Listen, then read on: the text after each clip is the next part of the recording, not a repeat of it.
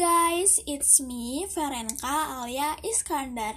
In here, I will make a podcast about a national hero named Otto Iskandar Dinata. Before that, I want to apologize if there are mistakes because this is my first time making podcast. Yeah, so without further ado, let's get started.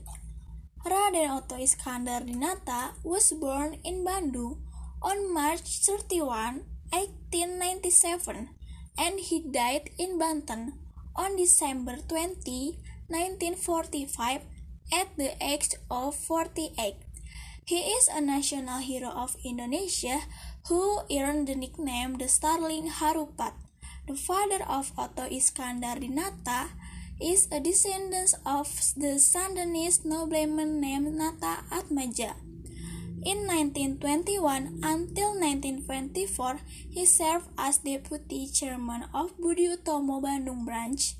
He was also the deputy chairman of Budi Utomo for the Pekalongan branch in 1924 and he was also a member of Jemi Interat or known as the Pekalongan City Council to represent Budi Utomo.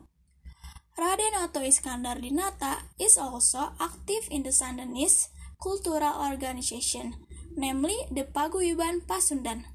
In 1928, he became secretary of the board of the directors, and in the period 1929 until 1942, he was chairman.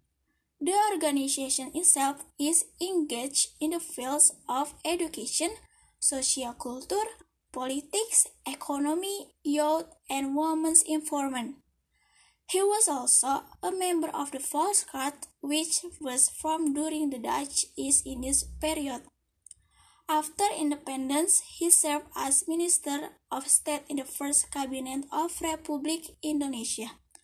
Okay guys, thanks for listening to the podcast this time. I hope you all enjoy with my podcast. I apologize if I did something wrong. See you guys. Bye.